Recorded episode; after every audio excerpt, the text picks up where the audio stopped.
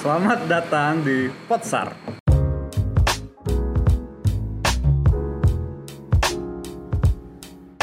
Nah, ini potnya Sangka Kreatif, Mas. Potsar. Jadi sebelumnya host sebelumnya Mizan Johar karena eh, dia lagi banyak orderan mau naik haji juga katanya.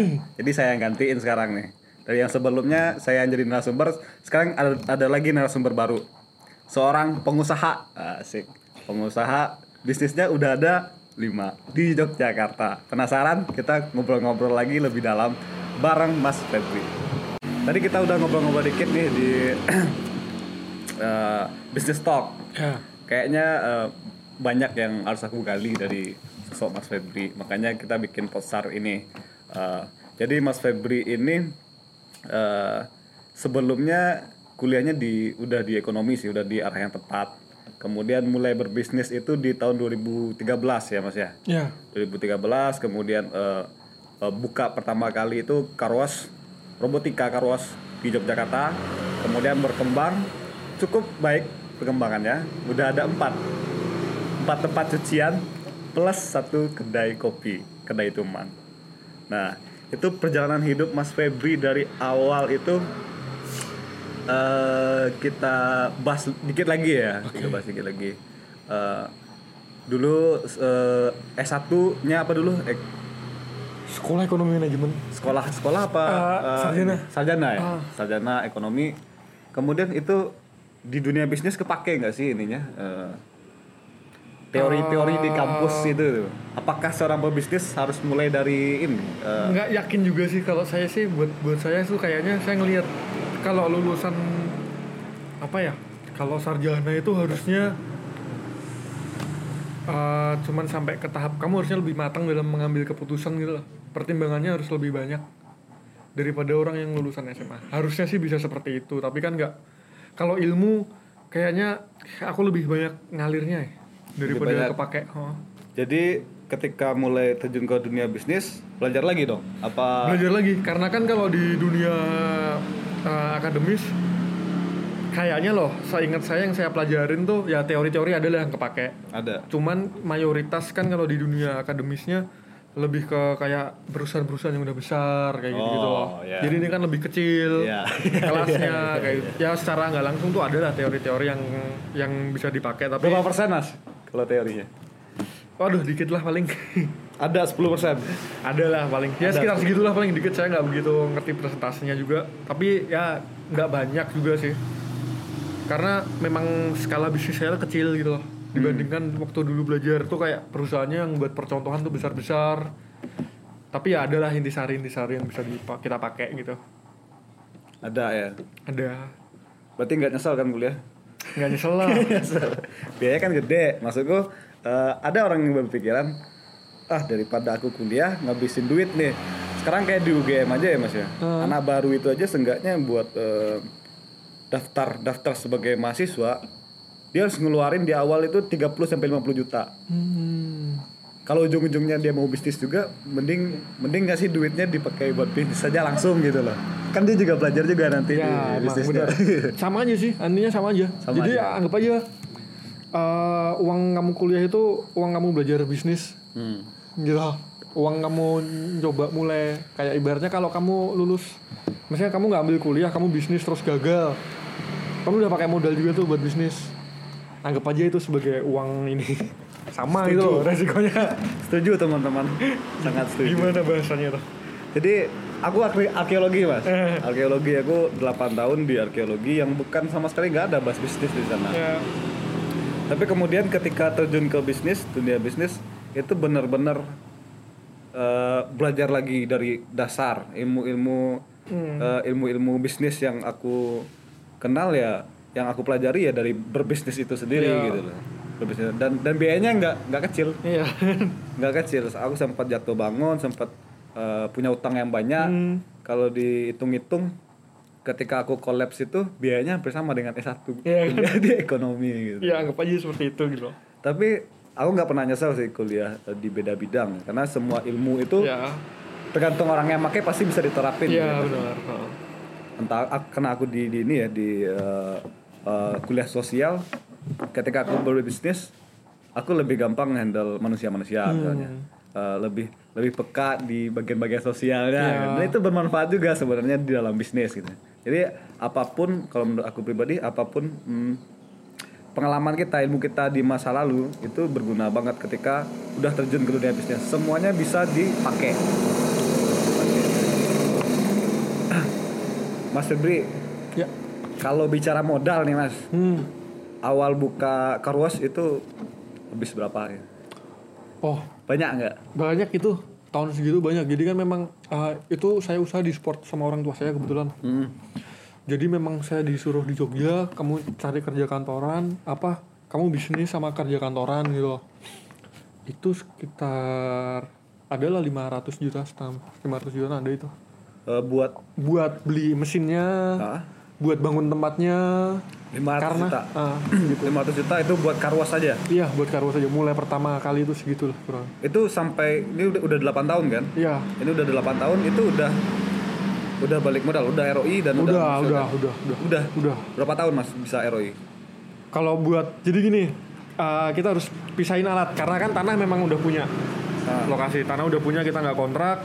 Kalau kita ngomong uh, BEP apa itu mungkin sekitar saya dulu hitung-hitung di awal tuh tiga tahun lah tiga tahunan itu udah dua tahun tiga tahun tuh udah udah mulai adalah uang buat beli mesin lah sedangkan kalau uh, bangunan itu saya anggapnya aset hmm. gitu loh. ada dia naik terus ya karena dia naik terus harganya oh 500 itu udah masuk sama Ya, karena Tanah. aku ya, beli Oh, alatnya kan tanah. sekitar 200. Alatnya beli 200. bangunannya sekitar 300 an Itu 200 300 lah. Cerdas sekali teman-teman. Jadi aku nggak menempatkan emang sih kita butuh maintenance buat ka- kadang kan orang berpikir beda-beda ya. Uh, kayak misalnya modalnya berapa? Segini apa 500 juta. Tapi dalam 500 juta itu aslinya yang modal yang butuh depresiasi berapa itu yang aku harus Iya, hitung jadi iya. BEP berarti tadi cuma 200 jutaan itu tuh ya? Ya uh, karena yang tanah asetnya kan naik asetnya terus. naik terus, naik ya. terus ya? Bangunan juga iya kan. Misalnya kalau Ah. kita kita buat cari kreditan lah. Bangunannya kan kehitung juga. Hmm. tanah dan bangunan kan. Oh berarti eh, dalam 2 tahun itu 200 tuh udah balik? Ada balik lah itu. Segitu. Udah balik ya? Ah. Uh, jadi teman-teman kalau di istilah dalam dunia berbisnis itu ada istilah ROI return of investment. Ada istilah BEP kalau ROI itu uh, dia berapa modal yang kita uh, keluarkan dalam bisnis anggaplah kayak uh, Mas Febri tadi 500 juta kemudian 300 dimasukin ke aset tanah ya Iya. yang harganya naik terus anggaplah 200 juta yang dipakai buat ini ya operasional biaya peralatan dan lain Hmm. Ya, segala macam ya ah.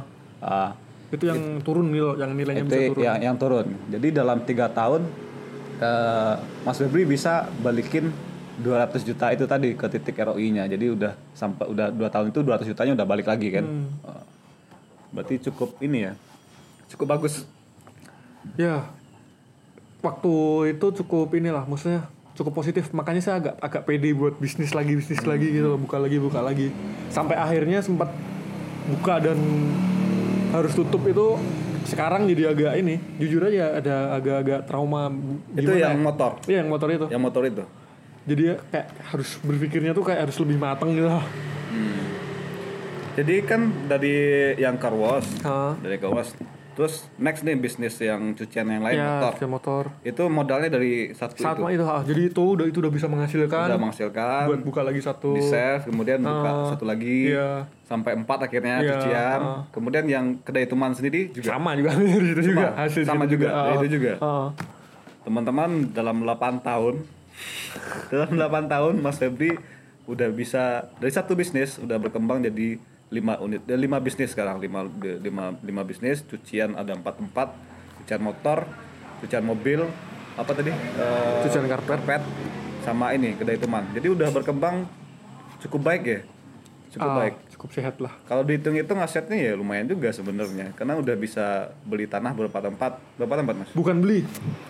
Ah, beberapa cabangnya itu sewa Bapak cabang sewa, Ha. tapi yang di yang punya sendiri yang ah naik karbos sama ini Karwas sama ini, ya. lumayan. Kalau di eh, dievaluasikan di tahun tahun sekarang 2020 mungkin udah satu m ada kali ya? ada Ada satu M. aset lah ya nilai Aset, aset, lah nilai aset, ya. kalau uang nggak punya segitu Menarik.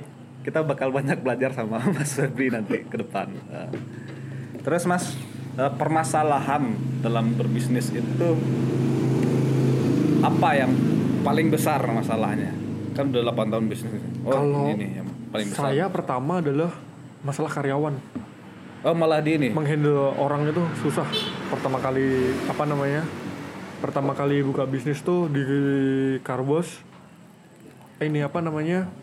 eh, menghandle karyawan tuh susah. Jadi kayak misalnya kayak kita terlalu keras, dia juga Hilang. hilang. Kita terlalu lembek juga kita ya, yang nggak bisa standar gitu loh. Eh, Kayak gitu sih. Jadi memang belajar belajar belajar apa ya? ngelola manusia. Mengelola manusia. itu gimana triks eh, tips dan triknya gimana itu? Udah 8 tahun kan udah punya pengalaman lah. Gimana baiknya ngelola SDM? Ah, kalau saya gini, intinya semua orang itu kan pingin sukses ya, pingin nyaman. Oke. Jadi sebisa mungkin kita juga bisa membuat karyawan kita itu sukses dan nyaman. Suksesnya gimana? Nyamannya gimana? Jadi pertama, kalau nyaman kita harus bikin dia nyaman kerja di tempat kita. Kalau sukses ibaratnya dari dia datang ke tempat kita belum punya apa-apa, nanti setelah kerja sama kita dia bisa lah beli apa, beli motor. Ya, berarti kayak gitu-gitu lah. nyaman dalam artian ini culture yang dibangun ya. Ya, culture-nya. Komunikasi, Culture. lain-lain, segala gitu-gitu. macam. Kemudian Eh, lingkungan kerjanya lah. Ruang kerjanya dan kemudian yang kesuksesan tadi itu lebih ke arah finansial Lebih berarti. ke arah finansialnya. Berarti dua poin itu seenggaknya harus bisa kita kelola gitu ya. Ya, karena prinsipnya gini saya, saya sih berpikir gini, kalau karyawannya sukses, harusnya bosnya lebih sukses dong. Kalau karyawannya sukses, Atasannya harusnya lebih sukses kan. lebih dulu mana sukses karyawan apa bosnya? Harusnya bisa beriringan kalau sehat. Saya bisa ingat. kalau sehat harusnya beriringan. Aku ada pertanyaan. Ya, Milih PHK karyawan, milih PHK karyawan atau nggak ngambil gaji, nggak ngambil untung sebagai owner nih. itu berat. Tapi eh, intinya, Ini kayak corona gini loh. ya ya kayak corona ini berat banget emang. Eh, otomatis yang paling kena dampaknya adalah di eh, ambil ambillah contoh di kedai ini. Karena aku ada beberapa karyawan yang ini karyawan beneran dia kerja, Heeh. ada beberapa lagi karyawan yang mahasiswa dia part time kayak Part gitu gitu jadi yang mahasiswa itu uh, karyawan-karyawan yang mahasiswa itu memang aku pangkas. Karena bener-bener apa ya marketnya kita kan berkurang banget tuh. Ah, penjualan bener-bener minus banget cuman tinggal 30% lah paling kayak gitu di sisi lain di sisi lain keuntungan juga lagi turun banget, nih. pasti ya akhirnya kita cuma bisa jadi satu orang satu orang aja jam kerjanya kita kurangin karena jam operasional kita juga berkurang sih Mau nggak mau ownernya turun gunung. iya Standby terus di eh, kedai. Itu karyawannya totalnya semua ada berapa mas? Kalau normal ya 18 mungkin. Dari 5 unit itu cuman cuman 18. 18 soal. Sekarang ini yang yang aktif berapa? Yang Yang corona ini? aktif sekarang cuman ada jadi sebelum corona itu kebetulan emang ada yang keluar. Terus waktu corona ada yang pulang dan nggak bisa balik gitu. Itu jadi kita cuman tinggal hmm, 7 9 9 orang, 9 orang. Oh sorry 10 10 orang. 10 orang. Ah. Ya, kurang juga ya ini. Kurang ya. juga. ha. Eh, kalau ini mas, eh, teman-teman yang baru-baru mau belajar bisnis itu malah fokusnya di ini permasalahannya bukan mereka di kepala mereka itu pasti permasalahan utamanya adalah modal gitu. Hmm. Modal. Ya itu memang modal bermasalah. Dan beruntung waktu itu karena saya disupport orang tua jadi saya nggak begitu bermasalah dengan modal. Tapi kan buat mindah-mindahin modalnya sendiri kan itu juga tantangan sendiri tuh dari bisnis satu pindah ke sini, pindah ke sini, pindah ke sini. Karena udah ada marginnya mas. Jadi Oh, udah ada marginnya. Ah, jadi satu perusahaan ini udah sehat, ada marginnya, kita pindah lagi ke satu gitu kan, nggak ada lah, maksudnya nggak nggak nggak apa namanya uangnya itu ada gitu loh. Uangnya ada. Ah, jadi saya nggak begitu bermasalah. Saya juga nggak nggak begitu bisa menjawab pertanyaan-pertanyaan teman-teman masalah modal karena memang ah, untuk memulai bisnis awal itu saya memang disupport gitu loh. Dan disupport. Oh, oh. Itu sih saya kenapa juga ada di jalur ini tuh karena support juga. Mungkin kalau nggak disupport dulu modal awal di Carwas juga mungkin nggak nggak kayak gini gitu. loh. Kayak gitu. dan mungkin kalaupun saya dulu pakai pinjaman juga mungkin berkembangnya nggak bakal seperti ini gitu. Berarti sama sekali nggak ada modal sendiri berarti ya? nggak ada Nggak ada modal dari luar, investor, Nggak ada, apa, ada. bla bla macam nggak ada. Buat ininya, eh, badan usahanya udah ada. Ah, kita perorangan kita apa eh, ngurus izin cuman pakai HO kayak gitu jadi memang nggak ada badan usaha memang perorangan pajak juga NPWP perorangan Semuanya Gitu, ini ya? perorangan ha, memang perorangan Kalau ngelola keuangan itu gimana mas? Karena banyak deh. hmm. Itu ribet nggak sih ngelolanya? ya memang setiap unit harus dikelola sendiri-sendiri jadi nggak boleh dicampur Dipisah sama dipisah keuangan. sendiri ha. jadi kita bisa tahu nih unit ini sehat nggak? Kayak gitu kalau nggak sehat berarti kita masih treatment apa kayak gitu. Ini karena kita bareng lulusan ekonomi, kita nanya dulu langsung nih. Penting nggak sih pembukuan itu buat usaha? pembukuan penting tapi saya sendiri aslinya males pembukuan. Pentingnya gimana itu? pentingnya karena dengan pembukuan tuh kita bisa tahu itu sehat apa enggak gitu loh. Apalagi kalau pembukuannya bener tuh pasti kita tahu usaha itu sehat apa enggak gitu uh, saya aja mengakui pembukuan saya nggak bener kok Gitu. nggak nggak nggak mendetail nggak bener dan nggak rapi gitu jadi mungkin saya bisa tahu ini sehat apa enggak tuh waktunya nggak nggak sekaligus gitu loh Oh, berarti Mas Febri ngejain sendiri oh, buat Ah, pembukuan? ah, ah. Hmm. kayak gitu jadi cuman ngerti lah ini masuk berapa oh kok ini kayaknya nggak sebanding nih nggak worth it nih Oh, iya. apa kayak gitu baru kita bisa lacak karena kan nggak nggak terlalu mendetail tuh pembukuan kita itu salahnya saya di situ juga sih minusnya Menarik di pembukuan teman-teman. Em, eh, UMKM ya biasanya mas ya. Iya. Biasanya kan sama sekali nggak ada pembukuan, semuanya berdasarkan asumsi. ya Benar nggak kalau kita ngobrol sama pelaku-pelaku bisnis yang eh, kelas-kelas menengah ke bawah, kita tanya, "Eh, udah untung belum sih? Oh, udah gitu kan. hmm, Tapi ketika benar-benar diinvestigasi lagi, ternyata eh, bisnisnya tidak terlalu sehat gitu loh. Ya. Atau marginnya tidak seperti yang mereka ucapkan gitu. hmm, Karena ya eh, menurutku pribadi pembu- pentingnya pembukaan tuh pembukaan tuh kayak ini loh, speedometer. ya speedometer. emang Kita- bener ya Kita tahu udah berapa bensin kita udah di Hmm. titik mana gitu Iya, kan. bener. Kecepatan kita berapa. Iya. Eh, kemampuan kita buat ngelaju Oh. lebih cepat seperti apa Iya, gitu. bener. Eh, dan juga kalau kalau di Sangka Kreatif ya, kalau di teman-teman aku dan teman-teman di Sangka Kreatif itu kan modelnya permodalan semuanya dari luar. Hmm, Mo- Modalnya pemodalan semua dari luar, hampir nggak ada yang modal pribadi. Aku nggak ada modal pribadi gitu kan. Jadi kerjasama dengan beberapa hmm, eh, investor lah istilahnya, investor atau kita jual saham. Jadi kalau misalnya udah kerjasama untuk mengakses pemodalan itu wajib hukumnya ada pembukuan ya benar yang rapi. Kalau teman-teman rasanya susah buat bukuin sendiri, seenggaknya catat pengeluaran pemasukan ya mas. ya ah, Nah, itu sekarang udah ada aplikasi-aplikasi hmm, eh, buat bikin pembukuan keuangan lah, jurnal apa Ya. segala macam gitu kan, lebih Ya. lebih gampang gitu. lebih gampang Tapi kalau misalnya ini, kalau misalnya terlalu dia dirasa terlalu ribet, bisa nyewa akuntan juga ya. kalau udah cukup mampu buat bayar akuntan nggak apa-apa tinggal disuruh kerjain gitu ya oke itu. Terus mas?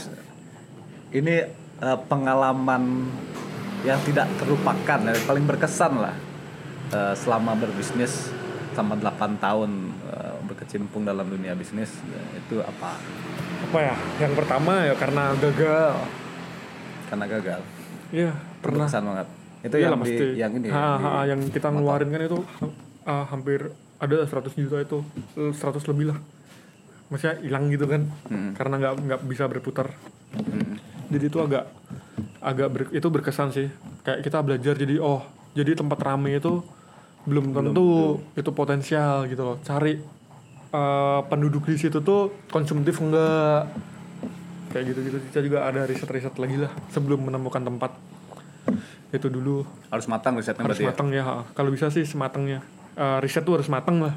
Apa aja itu riset ya banyak dari mulai kita menentukan lokasi kita menentukan eh, apa personal jualannya gitu loh. Lebih ke internnya kita juga harus sudah riset apa yang kita mau jual diterima nggak sama market marketnya ada nggak kayak gitu gitu tuh. Kayaknya Itu ribet ya riset ya? Ribet tapi kalau nggak pakai riset emang nanti jadinya pecahan-pecahan untung-untungan gitu kalau berhasil ya untung kalau enggak ya apa sih Kayak main judi jadi. ya kayak main judi jadinya Berapa lama mas proses riset? tergantung mas itu Ah, proses riset kalau saya sih yang pertama memang harus riset lokasi dulu tuh penting banget karena saya emang apa ya cari dulu lokasi itu marketnya ada enggak kayak gitu loh di lokasi Pertama itu. lokasi dulu. Ha-ha. Ah, terus terus yang kita jual tuh cocok enggak sama market di sekitar situ nah, gitu loh. dibutuhkan apa enggak sama dibutuhkan apa orang-orang di enggak. Ah, kayak gitu. Udah itu kita harus amati itu. Kalau kompetitor? Kompetitor mah apa ya? Eh, saya beranggapannya gini. Eh, kompetitor tuh di mana-mana pasti ada. Kamu mau Di mana-mana cari Iya, kamu mau cari tempat yang belum ada kompetitor nanti bakal ada kompetitor datang gitu. Oh ya. kayak gitu. Jadi Wajib hukumnya ada kompetitor. ya pas jadi tuh kalau saya berpikirnya gini eh, mengukur kamu bagus apa enggak itu kalau misalnya ini kamu punya konsumen konsumenmu tuh udah balik lagi belum? Waktu awal-awal kamu buka usaha tuh Nah, oh kalau kita udah punya pelanggan satu atau dua ya udah perjahan pertahanan itu jalanin. Nanti kan makin lama pelanggannya makin banyak gitu loh. Itu sih kalau sampai jadi kita buka tapi ada orang datang kok nggak balik-balik lagi nah itu harus ada koreksi kita kenapa kok kita cuman orang-orang baru terus gitu hmm, kenapa nggak balik ya? Iya, yang lama kenapa nggak balik tuh harus ada koreksi kita. Ini udah ada beberapa pertanyaan dari teman-teman eh, lewat Instagram.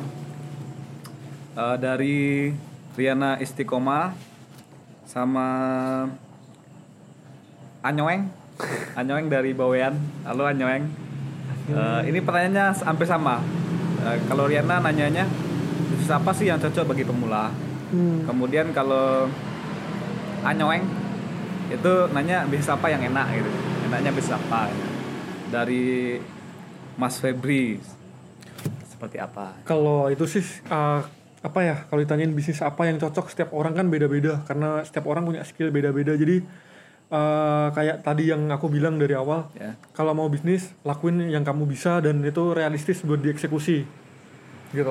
Lakuin yang kamu bisa dan itu realistis Buat dieksekusi. buat dieksekusi. Oke. Kemudian ada lagi pertanyaan nih. Em, gimana dari Rido Bara? Rido Bara di Padang. Halo Rido. Eh, gimana cara mm, nentuin profit kalau misal produk kita premium? Itu gimana Mas? Nentuin profit. Ya, nentuin profit.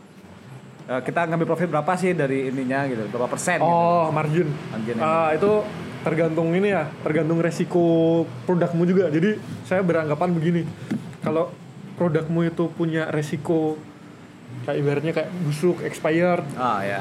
otomatis kita marginnya harus lebih besar. Kalau makan minuman nih contohnya Iya. berapa besarnya? Berapa persen dari modal? Bisa dua kali tiga kali lah 100% sampai 200% dari sampai APP. ah. Dari APP berarti. ya? dari HPP.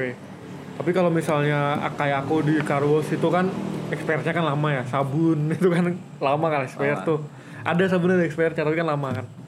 Ah, nah itu jadi kita ambil marginnya nggak perlu bukan nggak perlu banyak banyak, tapi nggak usah terlalu banyak pun nggak apa-apa gitu. loh. 2%. Ah, aku dari omset itu aku nggak bisa bilang jadi dari harga jual itu aku cuman ada keuntungan sekitar 35% 30 sampai ini. Berarti jadi putaran berarti ya? Iya, ha-ha. Putaran. kayak gitu. Sama satu lagi Mas, dari Kartinada Hmm. di Jakarta. Jadi dia seorang ini eh, eh, dia dia kerja, Ya. dia kerja dan dia mau berbisnis. Eh, bisa nggak sih berbisnis tapi masih kerja di tempat lain gitu? Kalau aku dulu kebetulan berbisnis dulu, bisnisnya udah jalan baru kerja. Baru kerja. Jadi aku agak bingung karena kan gini, eh, kalau kita kerja otomatis kita dituntut profesional. Sedangkan kita nggak bisa tuh kalau bisnis kita real, maksudnya ada orang, ada fisik, bukan online shop gitu loh. Kita kan harus bener-bener mantau monitoring gitu. Harus full penuh. Harus full penuh. Sedangkan kalau kita mulai awal-awal bisnis diserahin ke orang, aku nggak yakin itu Bisa berjalan bisa baik. berjalan sesuai dengan keinginan kita gitu. Kecuali orangnya dipercaya banget gitu. Ya, kecuali orangnya itu dipercaya banget atau ada apalah faktor di belakang aku nggak tahu. Tapi, Tapi kalau mungkin nggak? mungkin aja sih kalau kita bayar profesional. mungkin Mungkin aja ya. mungkin aja kalau kita bayar profesional kita pakai konsultan terus cari orang rekrut profesional mungkin sekali. Iya. Gitu ya, nada. Eh, terus ada dari Zawid Irsad di Padang nanya nih Mas Febri cara jadi kaya gimana jadi kayak kerja lah cara apakah berbisnis menjamin orang jadi kaya? Nggak mesti juga. Nggak mesti? Nggak mesti. Jadi eh, kadang tuh bisnis itu kalau di Jawa itu kayak uang sinawang gitu. Kadang orang lihat wih rame bisnis duitnya banyak kayak gini. Belum tentu kan margin di dapur kita tuh kayak apa kayak gitu gitu loh. Nah, jadi eh, tips menjadi kaya tuh ya bijak dalam menggunakan uang tips menjadi kaya bijak dalam mengelola uang. Iya. Nah, itu ya mas. Betul. Ya karena ini waktunya terbatas ya teman-teman ya. Eh, sebenarnya aku masih banyak pengen gali lebih dalam. Tapi karena ini owner kedai Tuman ini sibuk sekali sepertinya walaupun di masa corona. Jadi ini mas terakhir ya mungkin ya Iya. terakhir. Apa sih yang harus dimiliki sama seorang pebisnis? Ini wajib nih nggak boleh nggak apa ya Oh bentar sebelum itu aku nanya dulu. Eh bisnis ini itu eh, bakat apa keterampilan? Nah kemudian pertanyaan tadi eh, apa yang harus dimiliki? bisnis itu Itu bakat bawaan dari lahir kah? hmm, nggak juga sih Apa itu keterampilan yang kita bisa belajar bisa diasah? Ah, bisnis itu bisa dipelajarin dan bisa diasah hasilnya Bisa diasah. bisa diasah cuman tinggal situasi aja yang mau bisa membentuk kita kayak apa gitu Oke. terus apa lagi tadi Eh, sama ini apa yang harus dimiliki eh, seorang pebisnis? Kalau mau jadi pebisnis yang baik apa yang wajib harus ada? gitu? Ah, wajib harus ada itu harus konsisten yang jelas jadi Konsisten. iya ah, susah kita ah, aslinya di mana pun sih kita mau berkarir di mana pun mau kita kantoran mau kita berbisnis kalau kita nggak konsisten susah jadi ibaratnya kayak kita udah udah melangkah ke sini Ya. nanti kena gemburan apa dikit kita balik arah atau kita belok. Itu susah kalau nggak konsisten. Kayak kita anggaplah kita contoh kita buka bisnis tuh kayak kita buka warung lah kita buka kedai ini dari jam 4 sore kita buka. Ya kita harus sebisa mungkin apa pun yang terjadi harus konsisten kita buka jam segitu terus. Jangan sampai molor jangan sampai tutup mendadak kayak gitu gitulah sebisa mungkin harus konsisten Konsisten yang pertama. Ya. Kemudian apa mas?